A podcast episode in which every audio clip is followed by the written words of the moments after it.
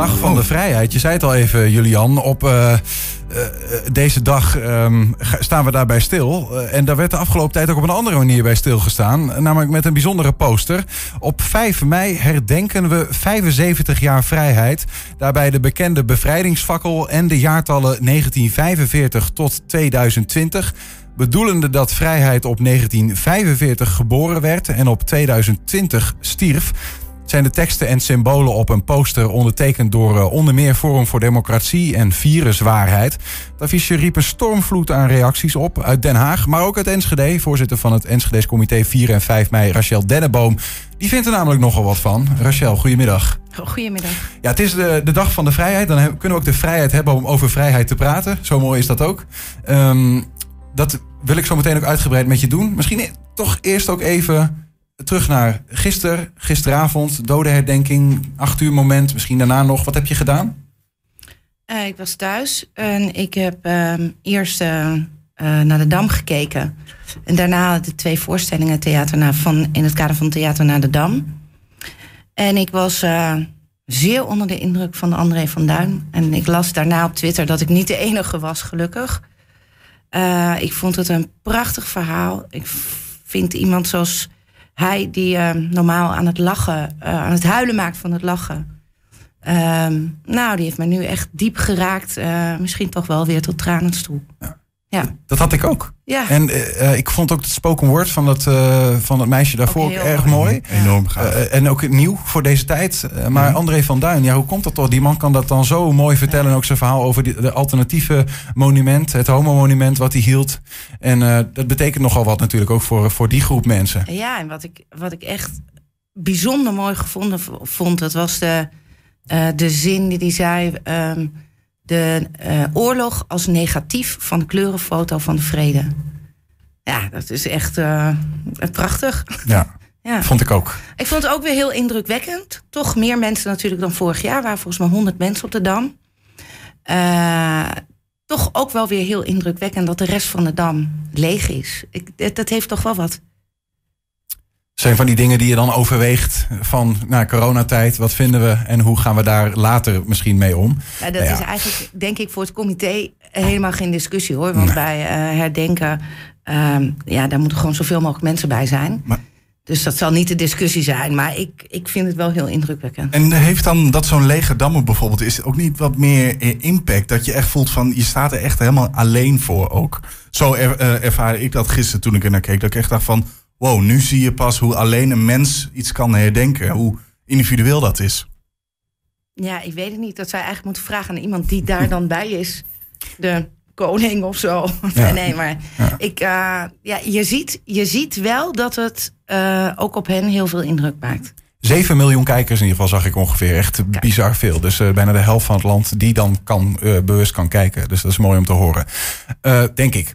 We gaan het hebben over vrijheid, Rachel. En ook over de discussie die daarover is op dit moment.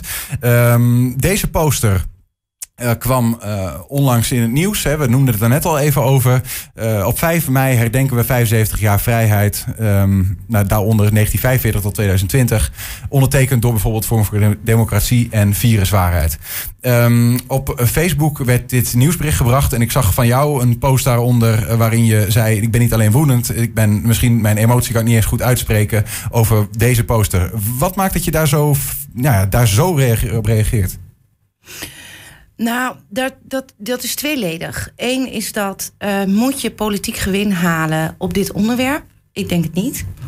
Uh, en los van politiek, uh, ik zit er nog weer naar te kijken, ik vind het overigens ook niet kloppen. Want um, het is de poster van vorig jaar, hè, dus uh, wij zijn inmiddels een jaartje verder. En wij herdenken vandaag 76 jaar vrijheid. Maar ik, ik word er boos om, omdat ik als je, dan heb jij waarschijnlijk ook al die reacties eronder gezien.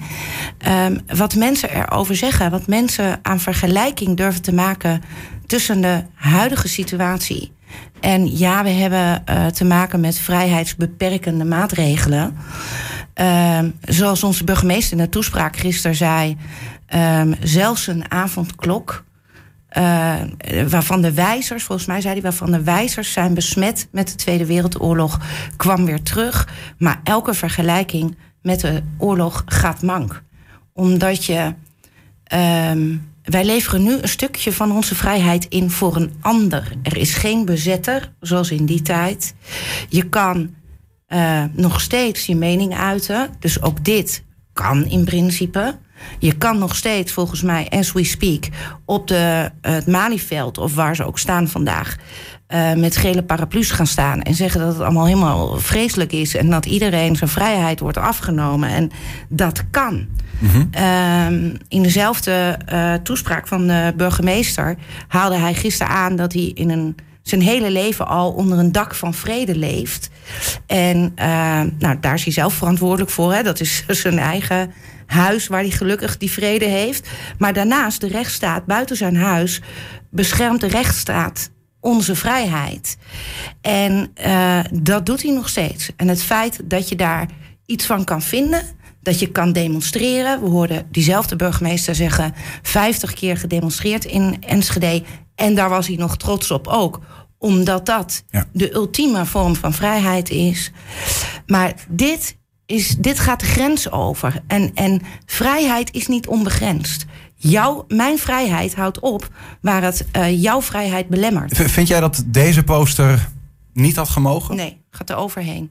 100%. Dus die, daarin, daar houdt ook de vrijheid van meningsuiting op wat jou nee, betreft. het is niet meningsuiting. Het is, kijk, mijn vrijheid, maar ook mijn meningsuiting. Misschien wel, misschien is het ook mijn vrijheid van meningsuiting. Houdt op op het moment dat het jouw vrijheid belemmert. Of op het moment dat het jou kwetst. En hiermee kwetsen zij oorlogsslachtoffers, nabestaanden van oorlogsslachtoffers. Ze schofferen onze bevrijders. En ze schofferen onze krijgsmacht, die tot op de dag van vandaag op de hele wereld nog steeds bezig is om die vrijheid te beschermen. Nou, dan zijn natuurlijk stemmen die zeggen.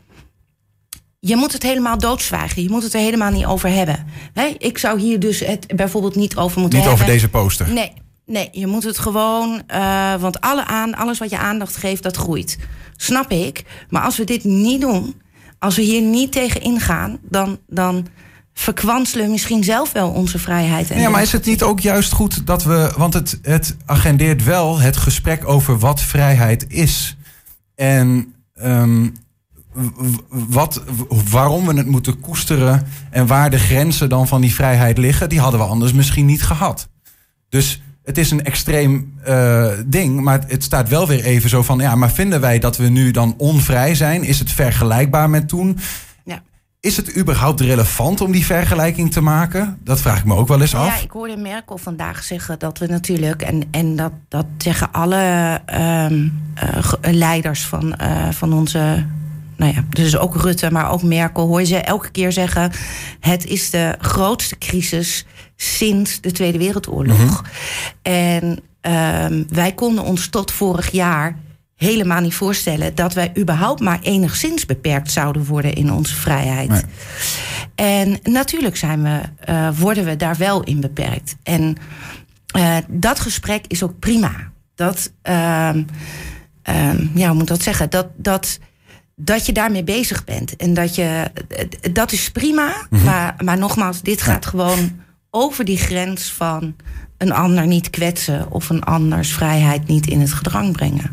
Eh, partijleider Thierry Baudet van Forum voor Democratie... die heeft overigens eh, ook gereageerd op de, op de kritiek... bijvoorbeeld Ja. die je maakt van... ja, politiseer eh, nou die bevrijdingsdag en dat bevrijdingsfeest niet. Ehm, en hij zegt al decennia politiseren onze tegenstanders de oorlog... om massale immigratie, Europese machtsfantasieën en moderne kunst te pushen. Nu zeggen wij, zullen wij op 5 mei ook even stilstaan... bij de vrijheden die, vrijheden die we in 2020, 2021 zijn kwijtgeraakt. Dat zou dan niet mogen. Hij vindt dat hypocrisie. hypocrisie. Ja, nou, ik zal er politiek niet op ingaan. Maar ik ga ervan uit dat hij gaandeweg die avond of die dag. Ook al is het, is het doel natuurlijk wel dat wij het er allemaal over hebben. Maar ergens heeft iemand, of misschien hij zelf wel bedacht. dat het wellicht toch niet zo handig was. En toen kwam hij vervolgens met dit. In mijn optiek maakt het dat alleen nog maar erger hoor. Die, dat, dat, dat, dat doet er alleen nog maar een schepje bovenop. Dat ik denk, ja, je snapt er gewoon echt geen bal van.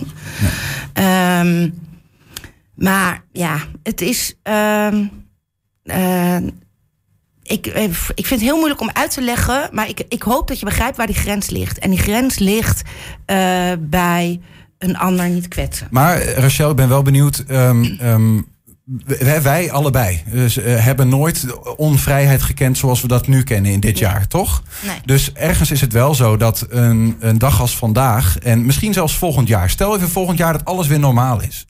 Dat we hopelijk op die oude markt of op Van Heekplein staan. Met een gevoel, nu snappen we eh, echt weer even wat echte vrij- vrijheid. We hebben het een beetje gekend met elkaar. Niet, niet in vergelijking met die oorlog. Maar wel, eh, we weten meer dan ooit wat vrijheid is nu, zeg maar. En misschien kunnen we ons Ja, maar- beter inleven dan nog in wat onvrijheid zou kunnen zijn. Maar wisten we dat niet al, Niels? Wat, want dat is de vraag, eh, wat is dan vrijheid? Volgens mij is vrijheid eh, jezelf kunnen zijn, kunnen zeggen wat je wil. Het ergens niet mee eens zijn. Ja. Dat dan ook nog eh, eh, middels een demonstratie heel hard kunnen roepen.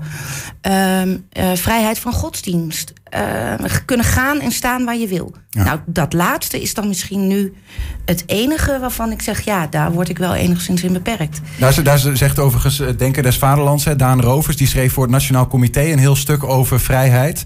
Eh, eh, eh, ehm, zij zegt, ik vroeg aan mijn vader, kon jij eigenlijk wel naar school in die Tweede Wereldoorlog? Ze had zich nooit bij stilgestaan voor hoe zit dat eigenlijk? Want in die coronatijd kunnen kinderen natuurlijk Nee. niet altijd naar school. Nee. Nou, en, en naar aanleiding daarvan gaat zij dus overdenken van wat is vrijheid. En zij, zij zegt eigenlijk van ik, ik zie dat er twee soorten vrijheid zijn. Eh, de vrijheid die jij net benoemt, noemt zij positieve vrijheid. Eigenlijk is dat we boven het nulpunt wat wij extra krijgen. Namelijk ehm, de vrijheid om eh, je eigen leven vorm te geven. Hè? Dus ze kunnen kiezen, kunnen studeren wat je wil, ehm, kunnen ontplooien. Maar ze zegt, er, er zit nog een laag onder. Negatieve vrijheid noemt ze dat. Dat is ehm, de basale vorm, zeg maar. Eigenlijk dus niet overheerst worden door een bezetter, een machthebber of een autoriteit. En ze zegt, als onderdeel van die basale vrijheid... het belangrijkste onderdeel is vrijheid van meningsuiting. Ja. En die bestaat nog in onze maatschappij. Ja. En ze zegt, als dat wegvalt...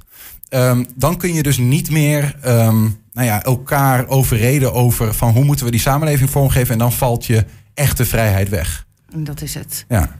Maar ja, dan komt het toch wel het paradoxale weer dat, dat deze poster dan binnen die vrijheid van meningsuiting eigenlijk zou moeten kunnen, toch? Ja, dat klopt. Alleen daarvan zeg ik dus, ik, voor mij is het heel erg belangrijk, en dan, dan val ik wel in herhaling, maar het is echt volgens mij de belangrijkste boodschap. Mijn vrijheid houdt op waar het jouw vrijheid belemmert of het jou kwetst. En dat doet deze poster. Ga je het vandaag zelf nog op een eh, bijzondere wijze vieren? De vrijheidssoep vieren misschien? De, ja, Eh, of de ik dacht, die eten? mannen hebben soep gemaakt. voor mij. Die hebben Die ga ik vanavond nog eten. Dat Nee, scheelt ja, maar weer ja. een maaltijd maken. Mijn- Mijn moeder zei tegen mij, wat is dat voor leuk soepblik? Ik zei, nou, dat gaan we dus vanavond eten. Ik denk, hoef je ook niet meer te koken. Ja. Nee. Eh, nee, ik ga eh, eigenlijk niet heel veel bijzonders meer doen. Ik ga vanavond naar het concert kijken, natuurlijk vanuit Carré. En eh, verder niet. Bevrijdingswandeling eh, al gelopen? Of nee, moet, het ik nog... eh, niet gedaan. Want er staat op 120.nl. Kijk even Ja. de, de wandeling langs het oorlogsverleden van Enschede. staan. Hè? Het is niet zo, mensen, dat het alleen vandaag moet. Dus gelukkig, eh, als het zo dadelijk wat mooier weer is, ga ik het doen. Zeker. Ik wil graag afsluiten met een stuk van, van, vanuit dat stuk van Daan Rovers, als je het goed vindt, over vrijheid, over, van de Denker des Vaderlands. Vrijheid, zegt ze, we wisten het al, maar het is afgelopen jaren opnieuw duidelijk geworden, is maar beperkt maakbaar. Het is kwetsbaar. Een virus kan zomaar tenminste een jaar lang roet in het eten gooien. En alles wat we dan inleveren, moeten we stap voor stap weer terug veroveren en opnieuw opbouwen. Het fundament van de vrije samenleving, zegt ze, is gelukkig robuust en lijkt onaangetast.